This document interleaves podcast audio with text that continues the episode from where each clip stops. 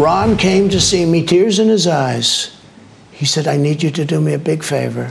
First, he asked for the meeting, then he asked me for the favor. I said, What's the favor? Would you endorse me? I fought for you. But again, he, a lot of people fought for me. But he said, I need your endorsement. I said, Ron, you're so far behind. I can't imagine that if you got George Washington's endorsement combined with the great, late, great Abraham Lincoln, if you had their endorsements, I don't think you could win, run, but tell me about it. Go ahead. He said, I'm telling you, I think I could win if I could get your endorsement. So I said, let's give it a shot, Ron, okay? And he was desperate. I got him the nomination. By the way, couldn't have never gotten the nomination. He would be working in either a pizza parlor place or a law office right now, okay? And he wouldn't be very happy. So it's about loyalty. It's, it's about loyalty. It is to me. Okay, let me just. So what happens is, and then a couple of years later, they say to Ron DeSantis, Will you run against the president? And he said, I have no comment. I have no comment. And I looked at the people I was with, I said, That's not supposed to happen a lot of people, political people, said, Sir, never bring that subject up. The voter doesn't care about that subject. But I do. And I think people do care about loyalty. When you help somebody, really help them, I mean, get them. And then he announces that essentially he's going to run against you. That's what he announced. Because when he said that, that means to me that you're going to run. Ja, Donald Trump op Fox News in gesprek met Sean Hannity, pratend over Ron DeSantis, zijn mogelijke tegenstander voor de nominatie. En dit is bij uitstek, denk ik, een fragment wat Trump tekent. Want hij zegt hier eigenlijk, en dat zegt hij ook in het fragment, iets waarvan adviseurs tegen hem zeggen: daar moet je niet over praten, joh. Je bent alleen maar met jezelf bezig. Kiezers maakt dat niet uit. Pak Ron DeSantis nou aan op de inhoud als je dat wilt. En Trump zegt: nee, nee, nee, dat is voor mij belangrijk. Hij heeft mij gevraagd om hem te steunen, dat deed ik. En nu daagt hij mij uit. Dat vind ik niet van loyaliteit getuigen. Dat is wat je noemt typisch Trump. Ja, want hier komen twee dingen samen die typisch Trump zijn. Uh, de eerste is, ik heb daar een uitgebreid hoofdstuk aan gewijd in mijn boek over Trump, Lang leven Trump. En dat hoofdstuk heet De Goud Eerlijke Leugenaar. En uh, in dat hoofdstuk zeg ik dat uh, Trump inderdaad heel veel liegt. Hè. Dat is natuurlijk gewoon aangetoond. allerlei Amerikaanse media, de Washington Post, de New York Times, houden bij hoe vaak hij liegt. Ik geloof wel meer dan 10.000 keer alleen al in die vier jaar dat hij in het Witte Huis zat. tegelijkertijd is mijn stelling dat Trump ook heel vaak heel eerlijk is, goud eerlijk is zelfs. En dat heel veel kiezers hem daarom waarderen. Als ik lezingen geef, dan uh, geef ik daar ook altijd een paar video's uh, als voorbeeld bij... waarin Trump eigenlijk iets zegt wat iedereen thuis op de bank ook vindt... of denkt of weet, maar wat een normale politicus nooit zegt. En in dit fragment doet Trump dat ook. En daarom noem ik hem de goud eerlijke leugenaar. Hij zegt gewoon, uh, Ron DeSantis stelde niks voor, ik heb hem geholpen. Uh, dan verwacht ik nu ook loyaliteit terug. En met loyaliteit bedoelt Trump, dan verwacht ik niet dat je mij nu uitdaagt voor de nominatie. Je bent nog een jonge kerel, wacht gewoon even een paar jaar. Ja, normale politicus zou dat niet zeggen. Die zou inderdaad zeggen van, ah, dat hij de competitie verwelkomt, dat, dat DeSantis een hele gewaardeerde collega is, maar dat DeSantis in Florida een aantal dingen heeft gedaan die niet door de beugel kunnen en daar pak je hem dan op aan. Dat Trump zegt gewoon, nee, ik vind loyaliteit belangrijk en ik denk dat kiezers dat ook vinden. En veel kiezers lopen natuurlijk met Trump weg, dus daar kan Trump ook best nog eens gelijk in hebben. Uh, dus dit is echt zoiets, als ik hier naar kijk, en daar kan ik nogmaals bij Trump talloze voorbeelden van laten zien. Dan denk ik van ja, dat, zo voelt Trump dat ook. Hij vindt dat hij genaaid is door Ron DeSantis. En daarom pakt hij Ron DeSantis nu keihard aan en noemt hij hem onder andere Ron DeSanctimonious. Uh, en dat is verfrissend, vind ik. Dat is fijn om te horen dat iemand gewoon eerlijk is. Uh, hoewel het misschien kinderachtig of zielig is. Hè. Je moet iemand natuurlijk op de inhoud aanpakken ja, dit is wel gewoon wat Trump echt vindt. En dan komt het ook heel verfrissend over als iemand daar gewoon voor uitkomt. Ik weet nog wel, uh, een van de laatste debatten in 2015, toen waren er nog maar een paar Republikeinse presidentskandidaten over. En een van die kandidaten was senator Ted Cruz uit Texas. En uh, Trump en uh, Cruz hadden elkaar eigenlijk nooit aangevallen in die campagne-reeks, omdat ze allebei een beetje de zittende macht binnen de Republikeinse partij probeerden uit te dagen. En ook omdat ze een soort van vrienden waren, tussen aanhalingstekens. Maar toen het alleen nog Trump versus Cruz was, toen pakte uh, Trump Cruz ineens aan. Onder andere met het verhaal dat Cruz in Canada geboren was en dus eigenlijk juridisch gezien helemaal geen president kon worden. En ieder debat kwam dat terug en uit peilingen bleek op een gegeven moment ook dat de meeste Republikeinse kiezers dachten van... oh, maar straks uh, kiezen wij hem als onze kandidaat... maar kan het helemaal niet doorgaan, het feestje... want hij is in Canada geboren. Nou, daar had uh, Cruz ontzettend veel last van. Trump heeft ook de roddel de wereld in geholpen... dat uh, de vader van Ted Cruz, een immigrant uit Cuba... JFK vermoord zou hebben, allemaal van dat soort dingen... Op een gegeven moment vraagt een presentator aan Trump tijdens een debat, terwijl Ted Cruz naast Trump staat, uh, meneer Trump, jullie waren zulke goede vrienden uh, en nu ineens loopt u allerlei verhalen over Ted Cruz de wereld in te gooien. Heeft dat misschien iets te maken met het feit dat Ted Cruz uh, de enige overgebleven kandidaat is en hij in de peilingen momenteel nek aan nek met u staat? Ja, normale politicus, hè, een normale politicus zou daar een, een, een antwoord op hebben gegeven van nee, nee, nee, maar dit vind ik gewoon, dit zijn verhalen die spelen, het, noem het allemaal maar op. En Trump zegt gewoon, ja, nee, Trump gaf eerlijk antwoord. Die zei, daarvoor maakte het me niet zoveel uit, maar nu staat hij nek aan nek aan de peilingen en hij moet kapot. Dat was ongeveer het antwoord van Trump. En daarom noem ik hem altijd de goud eerlijke leugenaar, want hij zegt heel vaak wat hij vindt. En dit fragment is daar een voorbeeld van. Een andere reden waarom het tekenend is voor Trump, is omdat het me een beetje doet denken aan Tony Soprano. Ik vergelijk Trump in mijn boek met Tony Soprano. Heb je die serie nou nooit gezien, De Sopranos? Ga die kijken. Hij is van HBO, staat dus ook op HBO Max. Uh, gaat over een moderne maffiafamilie, een uh, uh, familie uit New Jersey, van Italiaanse komaf, die dus in de maffia zit. En uh, alles wat ik van Trump hoor, uh, doet mij denken aan die familie. En met name de wijze waarop alles in de familie Trump georganiseerd is. Hè. Donald Trump is de peetvader. En iedereen, de rest van de familie, die werkt voor hem. Of het nou zijn kinderen zijn, of zijn voormalige advocaat Michael Cohen, of zijn voormalige financieel adviseur Alan Weisselberg. Um, eh, alles draait om loyaliteit naar hem toe. Ben je loyaal aan Trump, is Trump vaak ook loyaal aan jou. Uh, maar ziet Trump een scheurtje in die loyaliteit, dan kun je, zoals ik dat in mijn boek schrijf, uh, ja, bij, bij de familie Soprano eindig je dan in stukjes gesneden in een vuilniszak op de bodem van de Delaware River. Uh, in Trump word je dan op Twitter gefileerd en eindig je ook in stukjes in de uh, public relations prullenbak, zou ik maar zeggen. En dus je imago aan flarden gescheurd. En dat dreigt nu te gaan gebeuren met Ron DeSantis. Of dat lukt dus een tweede, want dat moet bij die voorverkiezingen blijken. Maar ook met zo'n uh, interview waarin Trump gewoon zegt van ja, hij, is niet loyaal aan mij en dus moet hij eigenlijk kapot.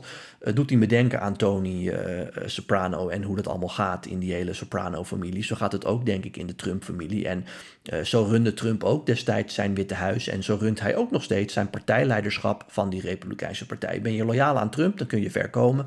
Ben je dat niet, dan moet je kapot. Zie wat er ook met Mike Pence is gebeurd. Die twee konden samen redelijk door een deur. Toen Mike Pence op 6 januari weigerde te doen wat Trump zei, uh, ja, uh, riepen allerlei mensen buiten uh, dat hij opgehangen moest worden, Mike Pence. En Trump zegt, ja, logisch had hij maar moeten luisteren. Zo hard is die wereld. Een goud eerlijke leugenaar dus, want heel vaak zegt Trump wel waar het op staat. En dat waarderen heel veel kiezers. Dit is daarbij uitstek een voorbeeld van. En uh, het geeft ook een beetje aan hoe de werkwijze binnen de Trump-organisatie en de Trump-familie is. Namelijk dat als binnen de familie Soprano, binnen een maffia-familie. En dan zeggen mensen altijd: Oh, je bent Trump weer aan het bashen, want je vergelijkt het met een maffia-familie. Nou ja, aan, aan, jullie om te beoordelen of je dat een positief of negatief punt vindt. Uh, het is alleen wat het is. Ik zie dat en signaleer dat. En in mijn boek uh, Lang Leven Trump beschrijf ik dat een stuk uitgebreider. Goed, tot zover. Uh, hoe dat gaat met die tweestrijd, Trump versus DeSantis, dat moet natuurlijk nog blijken. Eerst moet DeSantis maar daadwerkelijk de stap nemen om mee te doen aan die verkiezingen. Uh, en mogelijk komt er nog een andere kandidaat, die, uh, waar we het nu helemaal niet over hebben, die hoge ogen gaat gooien. Dus laten we niet denken dat het alleen maar een tweestrijd Trump-DeSantis is. Maar voorlopig is het dat wel. en je ziet vanuit Trump gaat het om loyaliteit. En ik denk vanuit de Trump-achterban, de mega-base, zoals president Biden dat noemt, gaat het ook over loyaliteit. Die zijn boos dat DeSantis Trump afvalt. Vooralsnog, maar hoe het precies gaat lopen, zullen we gaan zien. Goed, tot zover. Dan naar jullie vragen die jullie onder andere hebben opgestuurd via Twitter en Instagram. Ja, dan vraagt Ronald uh, twee dingen. Eén, de Republikeinen lijken voldoende sterke kandidaten te hebben voor hun volgende partijleider. Van de Democraten hoor je amper nieuw bloed of sterke mensen naar voren komen. Is Biden dan toch opnieuw de enige optie? Uh, of sorry, Biden opnieuw is toch geen optie, zegt hij dan. Ja, Ronald, uh, onder andere vanwege de reden die jij nu geeft, dat er geen andere talenten klaarstaan, is Biden gewoon opnieuw de optie. Ik heb eerder gezegd, het lijkt erop dat Biden doorgaat. Uh, zijn vrouw heeft ook eerder gezegd, in feite is het een kwestie van het juiste moment vinden en dan maken we zijn kandidatuur uh, bekend. Uh, dat kan Biden natuurlijk ook doen, omdat hij en al president is en daarmee ook een soort van recht heeft om het nog een keer opnieuw te proberen. Je moet er echt een zootje van gemaakt hebben. Willen veel democraten zeggen, nou onze huidige president, die mag nog een termijn, maar dan moeten we het toch maar niet doen. Geldt bij de Republikeinen trouwens ook. Uh, ten tweede heeft Biden ook best veel gepresteerd waar de Democraten blij mee zijn, trots op zijn. Dus dat is ook een reden waarom hij door kan. En ten derde, inderdaad, het helpt dat er geen goede kandidaten klaarstaan om hem op te volgen. Als we nu één of twee of drie namen konden noemen waarvan we dachten van nou dat zijn echt Barack Obama-achtige of Bill Clinton-achtige sterren in die partijen en die moeten het eigenlijk overnemen, scoren ook veel beter dan Biden. Ja, dan had de druk op die president natuurlijk toegenomen, maar die zijn er niet. En daarom is Biden opnieuw wel een optie. Dan een tweede vraag van Ronald. EOC eh, e profileert zich momenteel best goed in de media. Uh, hoe vaak, uh, hoe wordt zij in Amerika gezien? Uh, is zij ook een van de vele waar men potentie in ziet, misschien als toekomstig presidentskandidaat? Ja, dat hangt vanaf, Ronald, aan wie je het vraagt. de meeste mensen zien haar toch wel als te extreem, te extreem links, moet ik zeggen. zij behoort tot de linkervleugel van de Democratische Partij, dezelfde vleugel waar Bernie Sanders onder andere actief is. En ja, die vleugel ziet in haar wel degelijk een van de grootste talenten in de partij en zou haar ook graag als kandidaat zien. Uh, maar de gemiddelde democraat, en dan heb ik het nog niet eens over de republikeinen natuurlijk, die walgen van haar, maar de gemiddelde democraat denkt, ja, als we haar ooit naar voren schuiven, is dat een te groot risico. Prima als congreslid, maar als landelijk politicus is het te extreem. Goed, dan nog een vraag van uh, Marco. Uh, Raymond, uh, je hebt een boek geschreven over Fox News. Hoe staat het nu met die rechtszaak tegen Fox News? ja, goede vraag. even korte samenvatting. Fox News is inderdaad aangeklaagd door Dominion Voting Systems, de fabrikant van een aantal stem uh, machines in Amerika, omdat natuurlijk bij Fox News maandenlang de roddel uh, de wereld in werd geslingerd, dat daar dingen mis zijn gegaan. Met andere woorden, dat stemmen voor bijvoorbeeld Trump werden geflipt naar Joe Biden. Uh, uit die rechtszaak zijn onder andere tekstberichten, e-mailberichten van Fox-medewerkers, waaronder ook bekende gezichten als Laura Ingraham, Tucker Carlson, Sean Hannity naar buiten gekomen. En daarin zie je eigenlijk dat ze achter de schermen allemaal wel wisten dat dat soort theorieën onzin waren. En dat er geen enkel bewijs voor was dat Trump de verkiezingen onterecht verloren zou hebben. Dat er gesjoemeld was, gefraudeerd was. En toch hebben ze dat iedere dag op zender gebracht, omdat ze is de beschuldiging, en dat klopt denk ik ook, omdat ze de Trump-achterban niet wilden verliezen. Trump, uh, Fox News draait net als alle zenders om kijkcijfers, dus moet je doen wat er nodig is om die kijkers te behouden. En uh, de analyse was, en ik denk dat die klopt, dat als men zich tegen Trump zou keren, dat Fox News ook kijkers zou verliezen. Dus hebben ze geprobeerd om die kijkers te houden. En hebben ze allerlei theorieën de wereld ingeslingerd over de verkiezingen in het mom van, ja, we geloven het misschien zelf ook niet, maar we moeten in ieder geval die theorieën kunnen bespreken. De kritiek van Dominion Voting Systems is natuurlijk, nou, jullie hebben 24 uur per dag die kritiek besproken. Uh, en net gedaan alsof er geen enkele twijfel soms bestond dat het waar was. En de meest rare onbewezen theorieën lucht gegeven. En dat schaadt ons bedrijf. En dus eisen wij van jullie 1,6 miljard dollar. Uh, hoe het daar nu mee staat, ja, die rechtszaak die gaat uh, uh, beginnen. En er is onder andere aan Rupert Murdoch gevraagd om te getuigen, hè, de baas van Fox News.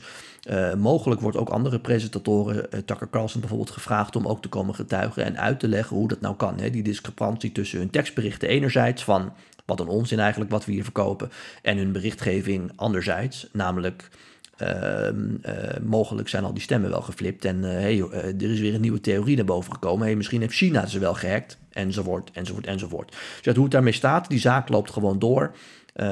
en de vraag is nu even of er ook echt daadwerkelijk high-profile namen moeten getuigen. dat is waar de zaak zich op dit moment bevindt. Dan een vraag van Marieke. Raymond, wanneer zit je weer bij Vandaag Inside? Ja, vanavond zit ik weer bij Vandaag Inside. Kan heel goed zijn als jullie dit horen dat ik dan alweer geweest ben. Dan ben ik er dus gisteren geweest samen met Pieter Kobelens. Altijd ontzettend leuk. Uh, Pieter, maar ook Valentijn en Job natuurlijk. Dat weten jullie allemaal. Rob Knoepert. Dat zijn mijn uh, favoriete uh, mensen waar ik graag mee in het programma zit. En ik heb ook vaak gezegd, Helen Hendricks, Angela de Jong, daar geldt hetzelfde voor. Dus ik heb er weer zin in vanavond. We gaan het onder andere hebben over de schietpartij in Nashville. Daar is ook een vraag over gekomen. Die zal ik meteen even mee behandelen. En natuurlijk over de speech van Trump afgelopen weekend. En over Nashville, dat is meteen de laatste vraag. Die komt van Marieke. Raymond, weer mensen doodgeschoten op een school in Nashville. Gaat er nu wel wat gebeuren, denk je, aan Amerika's losse wapenwetten? Ja, Marieke, daar kan ik heel lang over praten. Het meest heldere antwoord wat ik kan geven, zal ik ook bij Vandaag in Site geven. Nee. Er gaat gewoon niks veranderen. Um, interessant feitje: de meeste kinderen in Amerika komen momenteel om Hangt een beetje vanaf naar welk onderzoek je kijkt. Maar er zijn tal van onderzoeken die aantonen dat ehm, vuurwapens de nummer één reden zijn voor het overlijden van kinderen. En daarna komen onder andere auto-ongelukken. Uh, vroeger stond auto-ongelukken trouwens op één. En de Democraten zeggen: ja, maar ja, waarom is dat niet meer zo? A, omdat die schietpartijen zijn toegenomen en daar veel kinderen bij omkomen. Maar natuurlijk ook omdat auto's steeds, steeds veiliger worden. Dus de Democraten zeggen: uh, wij zijn ook niet tegen wapens. Maar met wapens moeten we eigenlijk hetzelfde doen als met auto's. Kunnen mensen geen gordel. Uh, mensen moeten een gordel om in de auto. Kunnen we bij uh, wapens niet verplichten dat je ze ook veilig opbergt. Hè? Dat je ze in een kluis ergens op zolder doet. Dat moet een verplichting worden. Dat je verplicht een uh, uh, wapentrainingsbewijs haalt. En dat je dat ook om de zoveel tijd moet vernieuwen. Dat je geen wapen mag hebben als je een strafblad hebt. Nou, noem het allemaal maar op. Dat zijn dingen waarvan zij zeggen dat is heel normaal. Kijk naar hoe je met een rijbewijs daarvoor om moet gaan.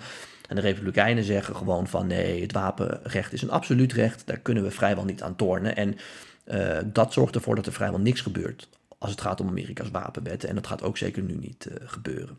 Goed, tot zover. Dank weer voor al jullie vragen. Blijf die insturen. Kan dus via Twitter, Instagram en LinkedIn.